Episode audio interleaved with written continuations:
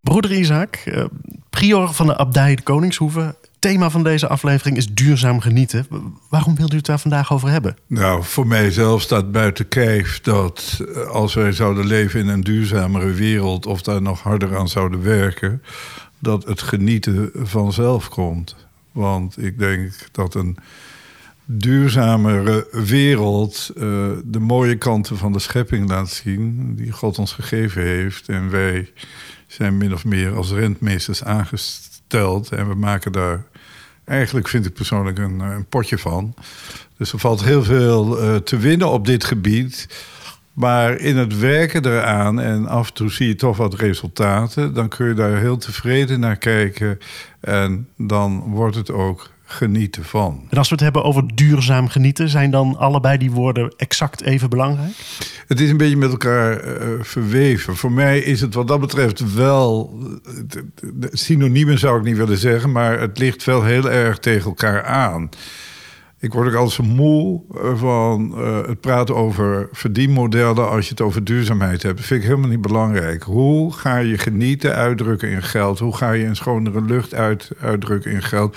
Hoe ga je een betere toekomst voor de kinderen uh, van deze wereld? Hoe ga je dat uitdrukken in geld? Dus ik vind die, die twee liggen heel dicht tegen elkaar aan. We gaan daar vandaag met een gast over praten. Ik, met uw goedvinden ga ik hem ophalen.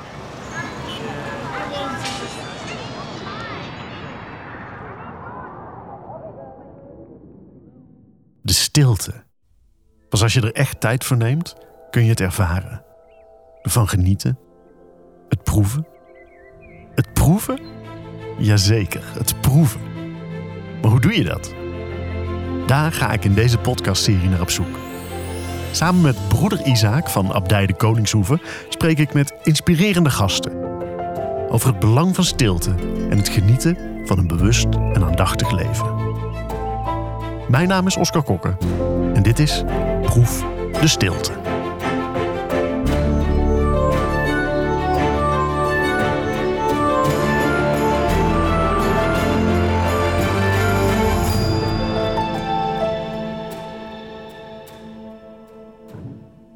Vandaag is onze gast Gerard van Dort, initiatiefnemer van Byworld. Ideële stichting die collectief stukken Nederlandse grond aankoopt en daar dan niks mee doet. Helemaal niks en dat is precies de bedoeling.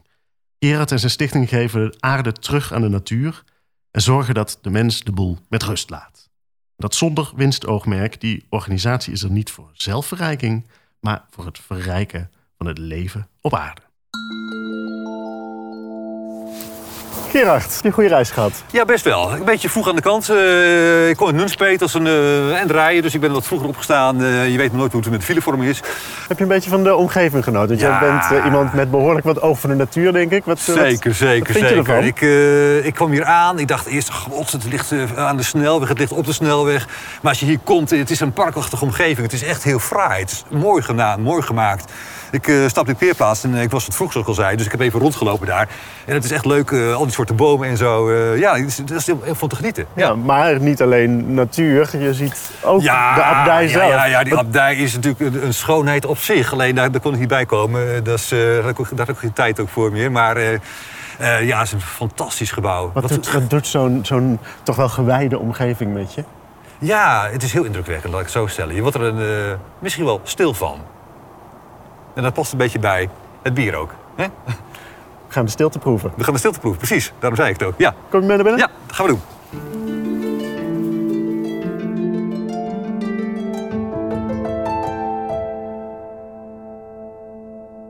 Broeder Isaac, dit is uh, Gerard van Dort. Jullie kennen elkaar al wel, heb ik begrepen. Hoe zit die samenwerking, die kennismaking?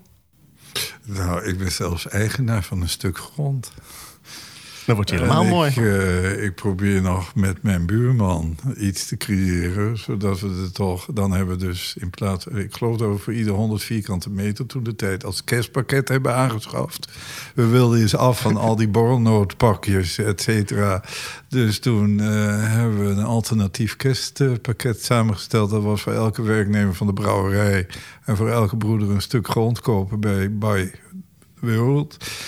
En ik heb daar dus een stukje liggen en ik wil nog een deal sluiten met mijn buurman, zodat we een weekend kunnen gaan kamperen. Maar ik kijk gelijk een beetje. Ja, dat schijnt precies niet de bedoeling te zijn, toch? Dat Gerard? schijnt niet te mogen. Dat is inderdaad niet de bedoeling. Althans, eh, niet op die basis, nee. Het is wel zo dat wij eh, excursies houden, eenmaal per jaar naar een gebied... om te laten zien wat het oplevert als je niks doet. Wat levert het op als je niks doet? Dat levert heel veel op. Het herstelvermogen van de natuur is gigantisch. Het is ongelooflijk hoe mooi dat is ook te zien ook.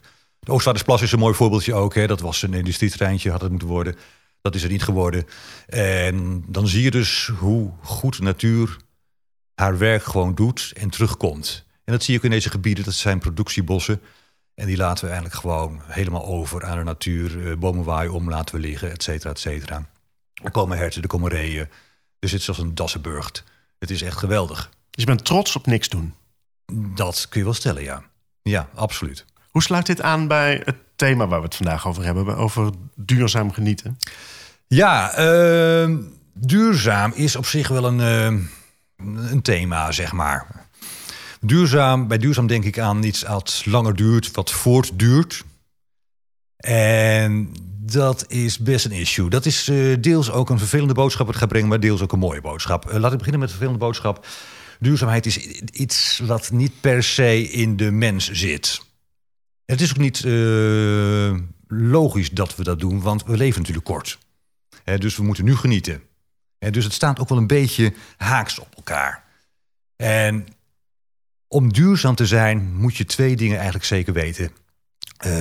je, je moet de transparantie kennen van een product wat je afneemt of een dienst die je afneemt. En je moet ook de echte prijs betalen. De transparantie, wat bedoel je daarmee? Nou ja, kijk, stel ik, uh, ik, ik, ik, koop een biertje. Hè? Hoe weet ik dan hoe dat bier geproduceerd is? Weet ik dan of er statiegeld op het, op het flesje zat? Uh, weet ik dan, hè, whatever ook. Hè? Dat, dat weet je allemaal niet. Uh, de maatschappij is vreselijk complex. En daardoor kunnen we heel veel. Maar daarvoor weten we ook een heleboel dingen niet. Als ik een, ik noem wat een banaan koop, dan denk ik, oké, okay, nou, dat is lekker voor mezelf. Maar je weet de hele weg niet van de producent naar de consument. En die weg, dat kon dus een hele leidensweg zijn. Dus zolang je dat niet weet, dan neem je een gok als je een product afneemt. En dat kon dus heel onduurzaam zijn. Niet per se voor jou, maar voor het leven op aarde. In, de, in die zin. Dat is het slechte nieuws. Het slechte nieuws is inderdaad dat als je duurzaam wil leven, je niet zo alles maar kunt doen zoals we het nu doen. Dat is het slechte nieuws, ja. Dan ben ik dus ook wel hunkerend naar dat goede nieuws wat je beloofde. Ja, het goede nieuws is dat als je 30% van onze aarde zeg maar toebedeelt aan de natuur, en dan praat ik niet alleen over land, maar ook over zee, en daarvan afblijft, dat we die aarde leefbaar kunnen houden. Dat is het goede nieuws. En het, dat is ook iets waarom we By World opgezet hebben. Blijf eraf, dan heeft biodiversiteit een kans, dan heeft het leven een kans, dan is er ook een toekomst op deze aarde. Ik ga, ik ga heel eventjes naar broeder Isaac en ik haak aan op die zin, die observatie. De mens is niet gemaakt om duurzaam te zijn. Onderschrijft u dat? Nee, absoluut niet. Uh, ik ga altijd een beetje vanuit het Bijbelse principe uit. zal u niet verbazen als, als monnik. En daarin zie je een soort cyclus, hè? een vicieuze cirkel. Het is allemaal goed begonnen. En uh, God heeft daar een soort overdracht gedaan van die wereld. En de mens daar een verantwoordelijkheid voor gegeven.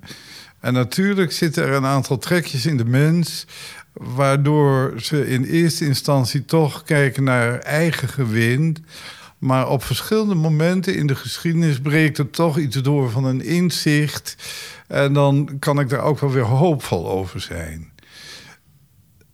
Uh, als ik wat ik net hoor, uh, dan, dan denk ik ja, oké, okay, die banaan die je koopt, ik vind en vind ik vooral dat wij dat als brouwerij ook moeten hebben. Wij moeten de verantwoordelijkheid dragen dat we de juiste productinformatie verstrekken. Dat iedereen dat het glashelder is van wat erin zit.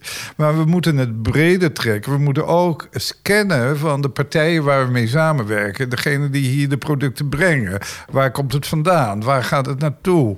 Hoeveel CO2-uitstoot, et cetera. Dat, dat en dat is goed te regelen. Maar ik mis één ding in de keten. En daar ben ik heel erg benieuwd hoe u daarin zal staan. Ik spreek heel regelmatig over duurzaamheid met mensen. Ik heb onder andere vrij recent nog iets met G-Stars gedaan. En dan hebben wij daar discussies over. En dan zeg ik: Prachtig, het product is mooi, maar wat doen jullie op kantoor? Wat gebruiken jullie voor schoonmaakproducten, uh, et cetera? Hebben jullie daar ook een visie op? En wat neem je mee naar huis in je eigen leven als je in dit concept werkt? Daalt het dus in je af. En dat is mijn grootste zorg die ik op dit moment maak over die hele duurzaamheidsgedeur. We denken, er worden veel initiatieven genomen. We plakken op de façade van het gebouw Profit uh, People Planet. Ik zou daar graag nog passion bij willen hebben. Maar het, het, we krijgen een niet tussen de oren van de mensen, waardoor er een gedragsverandering ontstaat. En dan kijk ik even weer naar mijn linkerbuurman en denk ik, nou, nou ben ik benieuwd wat, wat zijn ervaring daarmee is. Ja, um, laat ik even terugkomen op PPP. Dat is een hele mooie uh, uitdrukking en dat had eigenlijk moeten zijn planet, planet, planet. Dat heeft daarmee te maken, we hebben maar één planeet, er is geen tweede planeet. We kunnen niet uitwijken. We moeten deze planeet heel houden. En dat is een, uh, een groot probleem. Vroeger, dat praat niet eens heel lang geleden, dacht ik ook iemand die in een dikke BMW rijdt. Wat een, uh, wat een succesvolle vent is dat. Nu denk ik, het is een loser. Dat is een uh, behoorlijke, ja, dat is een behoorlijke ommezwaai. Serieus. Uh, inderdaad, duurzaamheid moet op elk terrein. Maar even terugkomend op het, op het verhaal van de Bijbel. Ehm, ik kom uit de Bijbelbelt. Ik ben met die Bijbel ben ik echt opgegroeid. Het is me erin gestampt.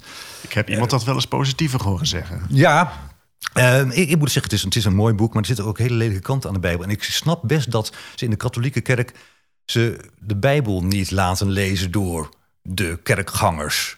In de protestante kerk gebeurt dat wel. En als je die Bijbel dan leest van kaf tot kaf, dan kom je hele verschillende dingen tegen. Een van de meest schokkende dingen die ik al tegenkwam, was dat God spijt had van het feit dat hij de mens gemaakt had. En dacht van ja.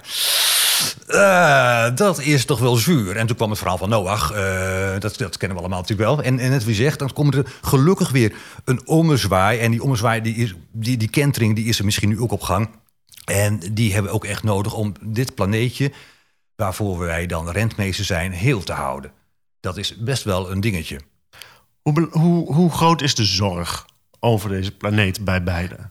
Nou, als, eerst wil ik even reageren ja, dat dacht ik al, als, ja. als bijbelbelter. Uh, want zo staat het niet. God had spijt van het feit dat hij die zonvloed heeft door laten gaan.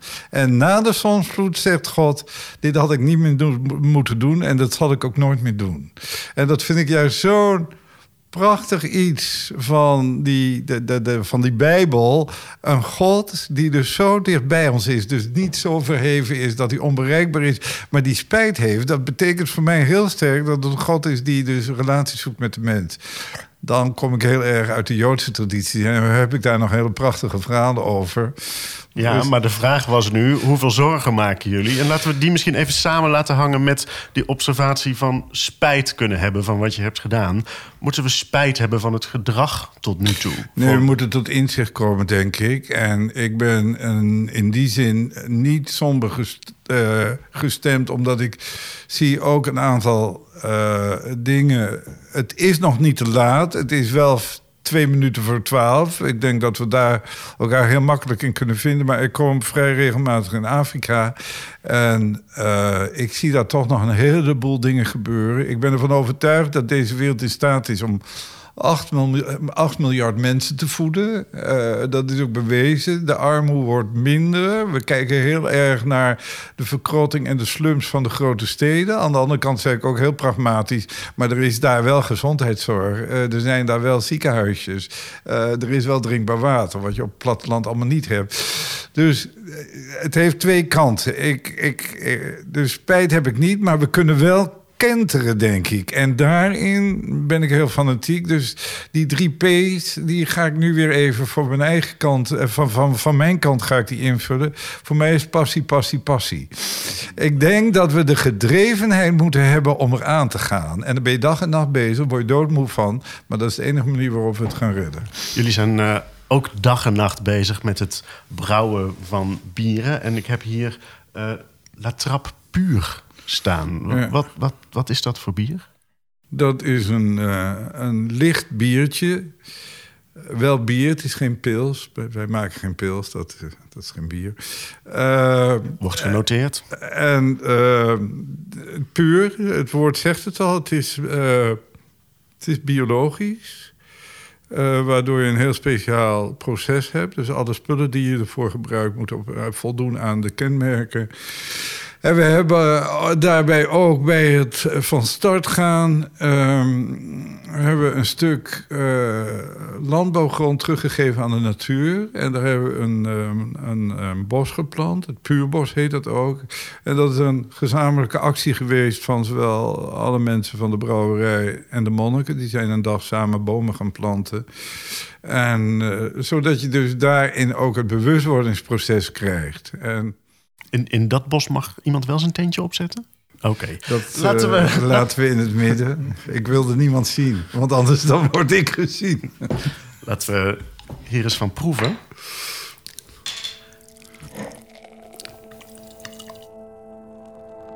Het motto van La Trappe en de Koningshoeve is: proef de stilte. De stilte is een manier om te genieten, maar ook om te bezinnen. En daarom onderbreken we deze podcast niet voor reclame, voor een momentje stilte. Waarin we genieten van La Trappe puur en ons ook even kunnen bezinnen.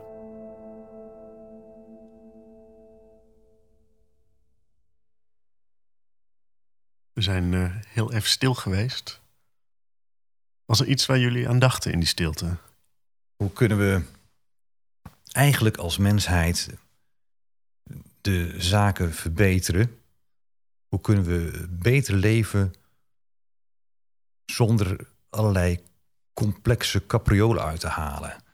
Daar dacht ik even aan. Het is, dat, is, is lastig om daar een antwoord op te geven, maar geef meteen toe. Maar uh, ik zie dat wel als, uh, als een richting die we op moeten gaan. We moeten het makkelijk maken om bewust en duurzaam te leven. Want nu zijn er complexe capriolen. Ja, nu is het heel complex. Uh, ik las een uh, tijdje geleden dat Lodewijk XIV 380 mensen nodig had om uh, dagelijks zijn eten, zijn kostje te krijgen op tafel.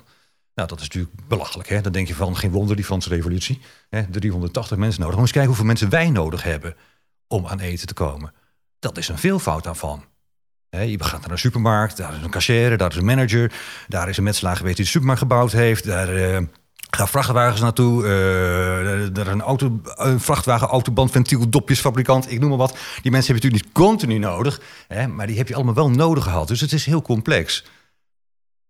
We hebben die maatschappij heel complex gemaakt. En dat maakt het ook heel makkelijk. Dat betekent dat je hoeft daar geen zorgen over te maken. Ik ben een IT-man, dus ik kan gewoon mijn IT-werk doen. Ik hoef helemaal niet te denken van... hé, hey, hoe kom ik aan mijn eten straks?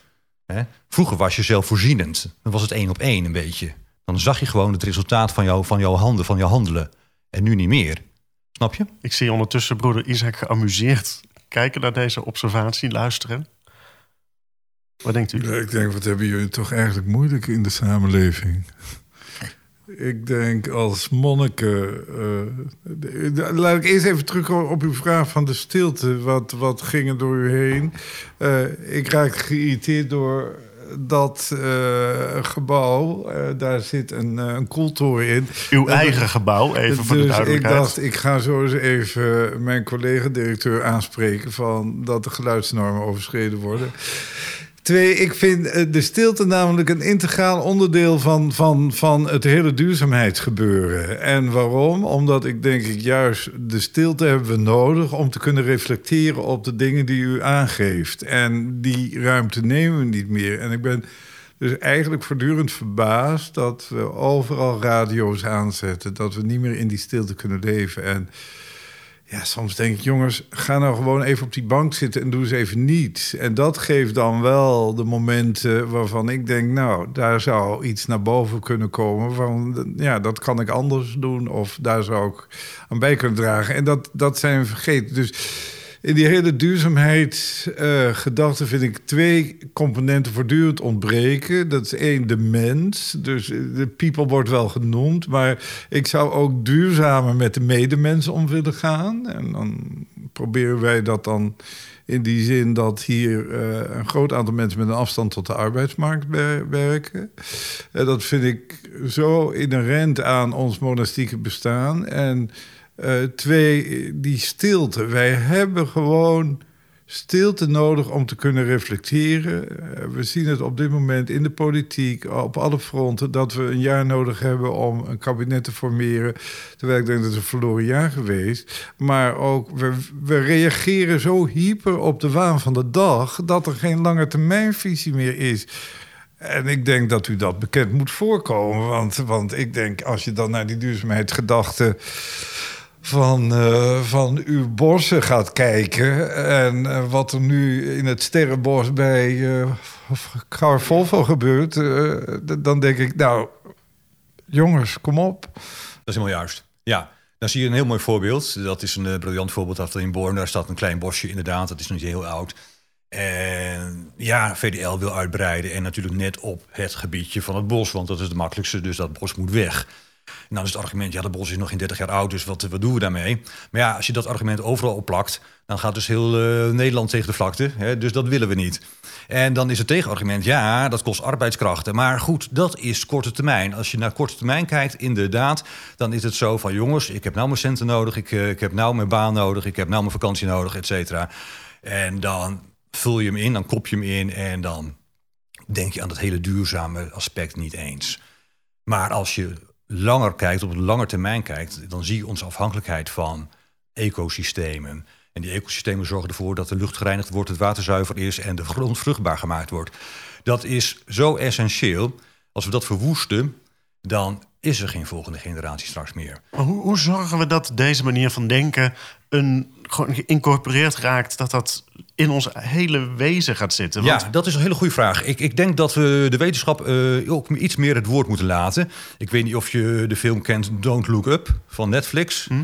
Ja, dat is, een hele, dat is echt wel een hele mooie parodie. Dat gaat meer over klimaatcrisis dan, uh, dan, dan over die asteroïde die op daar afstormt. Maar de wetenschap brult al jaren van dit gaat niet goed. Onze welvaart heeft uh, desastreuze gevolgen op de ecosystemen. En uh, als we zo doorgaan, loopt het gewoon fout af. Dat is een slechte boodschap. De goede boodschap heb ik net genoemd. We kunnen er zeker wat aan doen.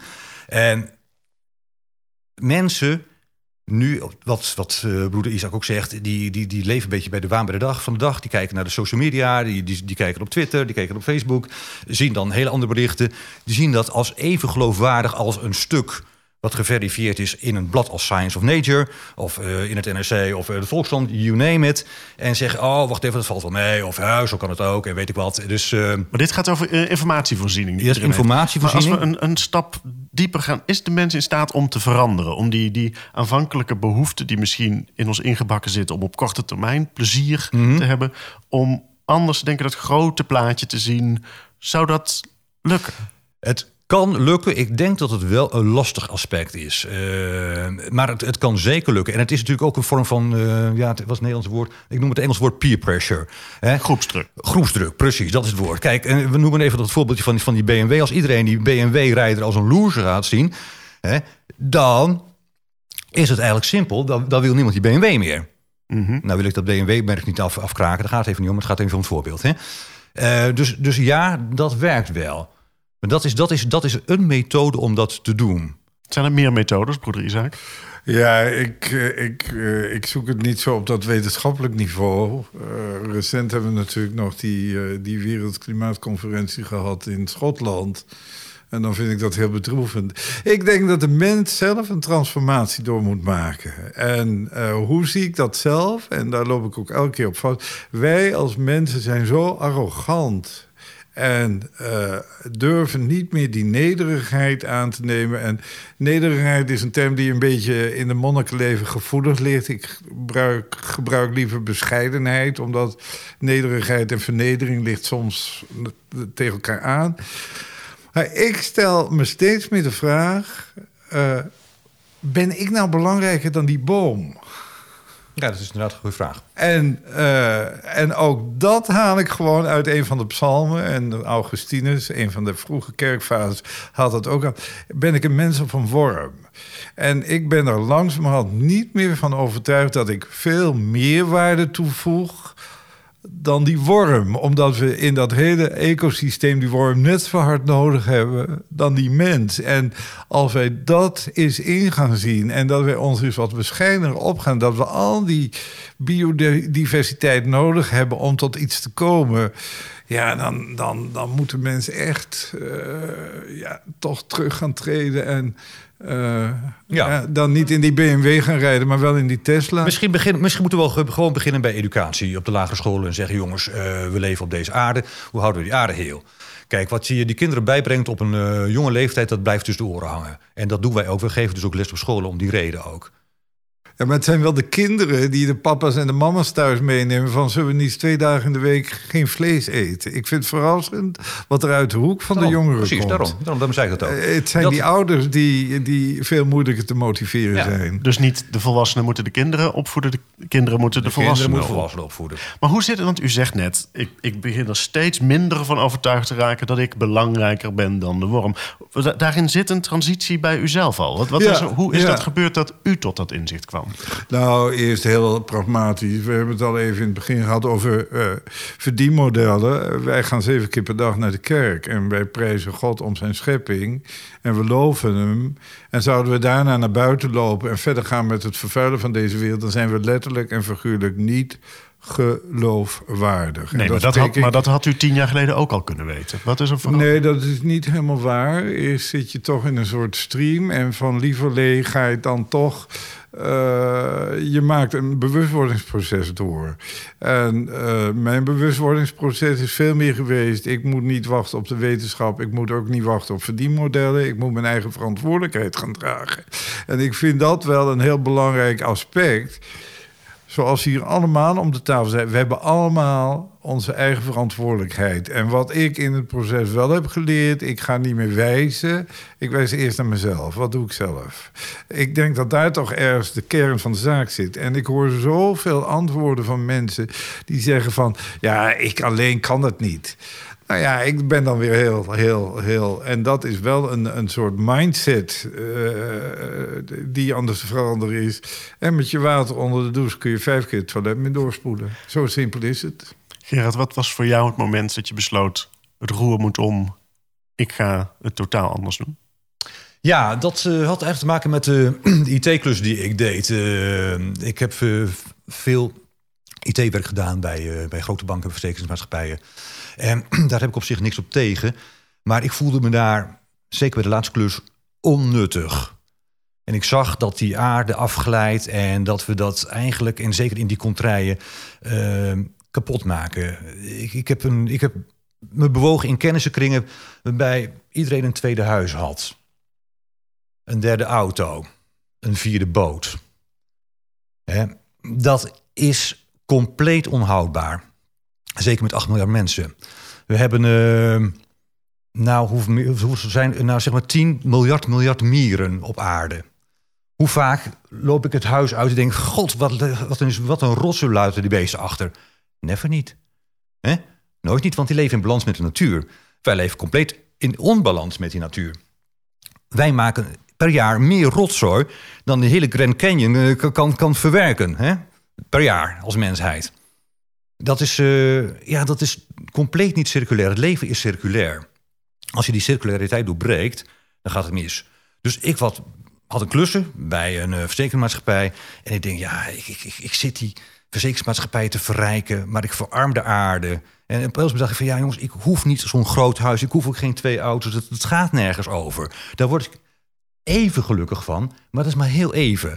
Want als je een nieuwe auto rijdt, dan denk je van, wauw, wat ik een nieuwe auto. Hè? Maar rij je daar drie maanden in, dan is, dat, lol eraf. En dan moet je weer iets nieuws en, en nog iets groters. En dat, zo werkt het niet. Dus je moet je geluk op een andere manier zoeken. Je moet je groei ook op een andere manier zoeken. Groei is op zich niet erg. Maar je kunt groeien in geluk. Je kunt groeien in intelligentie. Je kunt groeien in, in, in, in, in sportprestatie. Je kunt groeien in, in, in liefde. Maar alsjeblieft, ga niet in bezit groeien. Want dat werkt niet. Want iedereen dat doet. Als al die 8 miljard mensen dat doen. dan hebben we geen twee aardbollen nodig. Nee, dan hebben we er wel zes nodig. En die zijn er gewoon niet. Daarom kunnen mensen zich ook aansluiten bij dat initiatief van Byworld. Precies. Een kleine vierkante meter. Vanaf 99 cent per vierkante meter kun je meedoen. Het idee is eigenlijk heel simpel. Als je, nou ja, stel je dezelfde vraag: wat kun je kopen wat goed is voor het leven op aarde? Ga daar eens een antwoord op verzinnen. Wat kun je kopen wat goed is voor het leven op aarde? En dan, die, die vraag stel ik wel eens aan mensen. En dan zeggen ze: ja, uh, zonnepanelen. Ik zeg, nou ja, daar wordt het misschien net iets minder slecht van. Maar het leven op aarde wordt er niet beter van. Per se. Echt niet. Er gaat geen uh, extra olifant van leven of zo. Totaal niet. Hè? Maar wat je dus wel kunt kopen, is een stukje natuur. Een stukje grond en daar natuur van maken. Dat kun je doen. Dat kun je kopen. En dat verbetert het leven prompt. En dat is het idee achter By World. Je kunt prompt iets goeds doen voor het leven op aarde. Meteen. Je zei net, ik werd van wat ik deed in het moment gelukkig, maar niet op lange termijn. Ben, ben je nu gelukkiger? Ik ben absoluut gelukkiger. Ja, absoluut. Ja, dat uh, moet ik zeggen. Ik, uh, ik ben blij dat ik dit heb kunnen opzetten. Dat heb ik mede kunnen opzetten omdat ik redelijk heb kunnen verdienen met die IT. Uh, ik heb er veel privévermogen ingestopt, al veel privé tijd, vooral, vooral dat tijd. En, maar, maar dus ook wel geld. En ik ben blij dat dit initiatief, hoewel het nog niet super loopt, maar wel steeds beter gaat lopen, dat het iedereen de mogelijkheid geeft om iets goeds te doen. Kijk, dat ik iets goeds doe, dat is, dat is mooi, maar iedereen moet het doen. En dit concept van Buy World, waar iedereen voor 99 cent per vierkante meter kan meedoen, staat open voor iedereen. Want wie heeft er geen 99 cent? Laat we eerlijk wezen. Het mooie is, een klein beetje van dat geluk wat jij voelt, kan eigenlijk iedereen die één flesje puur koopt ook ervaren. Want hoe zit de samenwerking van de opbrengst van puur gaat telkens een bedrag naar Byworld, toch? Uh, ja, een deel. Hoeveel het precies is, weet ik niet uit mijn hoofd. Maar er gaat een deel van de opbrengst gaat naar Byworld. En uh, dat is niet alleen een financiële transactie. Daarmee wil je ook de mensen bewust worden dat er zoiets bestaat. En dat zij uh, door het drinken van dit bier ook bijdragen aan iets. En we proberen steeds meer ook de andere biersoorten te koppelen aan een bepaald specifiek doel. En uh, nou, in dit geval lag het eigenlijk voor de hand om dat heel sterk te steken in de duurzaamheidsgedachte. Bewustwording is een belangrijk thema. Ja, ja. Um, daar hoort ook bij realiseren wat je hebt, wie je bent en hoe dat komt. Er hoort ook bij dankbaarheid. Zullen we tot slot in deze aflevering even stilstaan bij dankbaarheid. En ik wil aan jullie allebei vragen: waar zijn jullie dankbaar voor? Mag ik bij broeder Isaac beginnen? Ik ben deze week uh, bijzonder dankbaar over het feit dat uh, in Oeganda de scholen zijn opengegaan en uh, eh, 30% van de kinderen komt niet meer terug naar school. En in deze coronatijd hebben wij een secondary school kunnen bouwen uh, die is nu afgerond. Helemaal circulair. Zelfs de latrines, de inhoud van de latrines wordt gebruikt om gas op te wekken, zodat er niet meer op hout gekookt hoeft te worden, waardoor mensen niet meer in de rook staan, et cetera. En de school is nog niet geopend en nog niet alle klassen zijn, zijn, zijn uh, klaar. Er wordt hard aan gewerkt. Maar de eerste dag stonden er 95 kinderen voor de poort en die wilden al naar binnen. En dat vond ik zo mooi. En daar ben ik eigenlijk ontzettend dankbaar voor. En dat, die dankbaarheid draag ik in mijn hart. En we gaan die school nog afbouwen, dat zeker. Maar uh, ja, dat je in zoiets dus ook voor kunt eh, borduren op die, die, die, die circulaire gedachte. Hè, van hoe kan zo'n school volledig eh, circulair zijn. En wat we hier geleerd hebben. En dat we binnenkort de man die die circulaire gedachte ten aanzien van dat gas hier naartoe gaan halen. Om een eh, restproduct van onze waterzuivering op dezelfde wijze te gaan. Dus gaan verwerken. Dus ook wat wij vroeger heel erg dachten van ontwikkelingswerk brengen daar naartoe, is het nu ook de tegenbeweging. Wij kunnen ontzettend veel leren van die kant van de wereld en dat halen we nu hier naartoe. Gerard? Ja, zeker ben ik dankbaar. Ik ben al sowieso dankbaar voor het feit dat ik, eh, dat ik leef. En dat ik eh, denk een kleine bijdrage te kunnen leveren aan een beter leven. Uiteraard ben ik dankbaar dat ik hier eh, mijn woord mocht doen. Dat is ook heel mooi dat ook op deze manier het kan uitdragen aan een wat beter publiek. En ja, ik denk dat dat het belangrijkste is van, van mijn dankbaarheid. dat, dat je als mens hoe, hoe nietig, hoe klein ook, en misschien niet eens belangrijker dan een eikenboom of een worm, je toch een verschil kunt maken. En dat kan iedereen. En daar moet je A, blij van zijn, ook dankbaar voor zijn dat je dat gegeven is. En ik wil uh, jou heel hartelijk danken dat je hier bij ons wilde aanschuiven en uh, wilde vertellen over jouw missie en over jouw project met Byworld. Heel erg bedankt, uh, Gerard van Dort. Graag gedaan. En dan blijf ik nog heel eventjes natafelen met broeder Isaac. Een mooi gesprek gehad. Wat, wat blijft hangen bij u? Het is nooit af. En dat onaffe gevoel heb ik wel. Uh, maar misschien eh, of niet misschien. Ik denk dat je dat ook nodig hebt om door te kunnen gaan. Ik, ik vind het onaffe is altijd waar een soort motor die ik ook wel voel om toch te blijven werken aan het vervolmaken, het beter maken. Het onvervuld zijn van wat elk mens ervaart, is ook de drijfkracht om uh, niet op je automatische piloot verder te gaan, maar elke keer weer een soort drijfveer te hebben waardoor je verder gaat. We gaan verder. We zullen doorgaan. Dankjewel. Je luisterde naar Proef de Stilte. Wil je als eerste op de hoogte zijn van een nieuwe aflevering? Schrijf je dan in als liefhebber op latrap.nl. Deze podcast is een productie van Podcast Guru, redactie door Matthijs Franke, montage en mixage Frederik Middelhof en deze stem is van Oscar Kokker. Dankjewel voor het luisteren.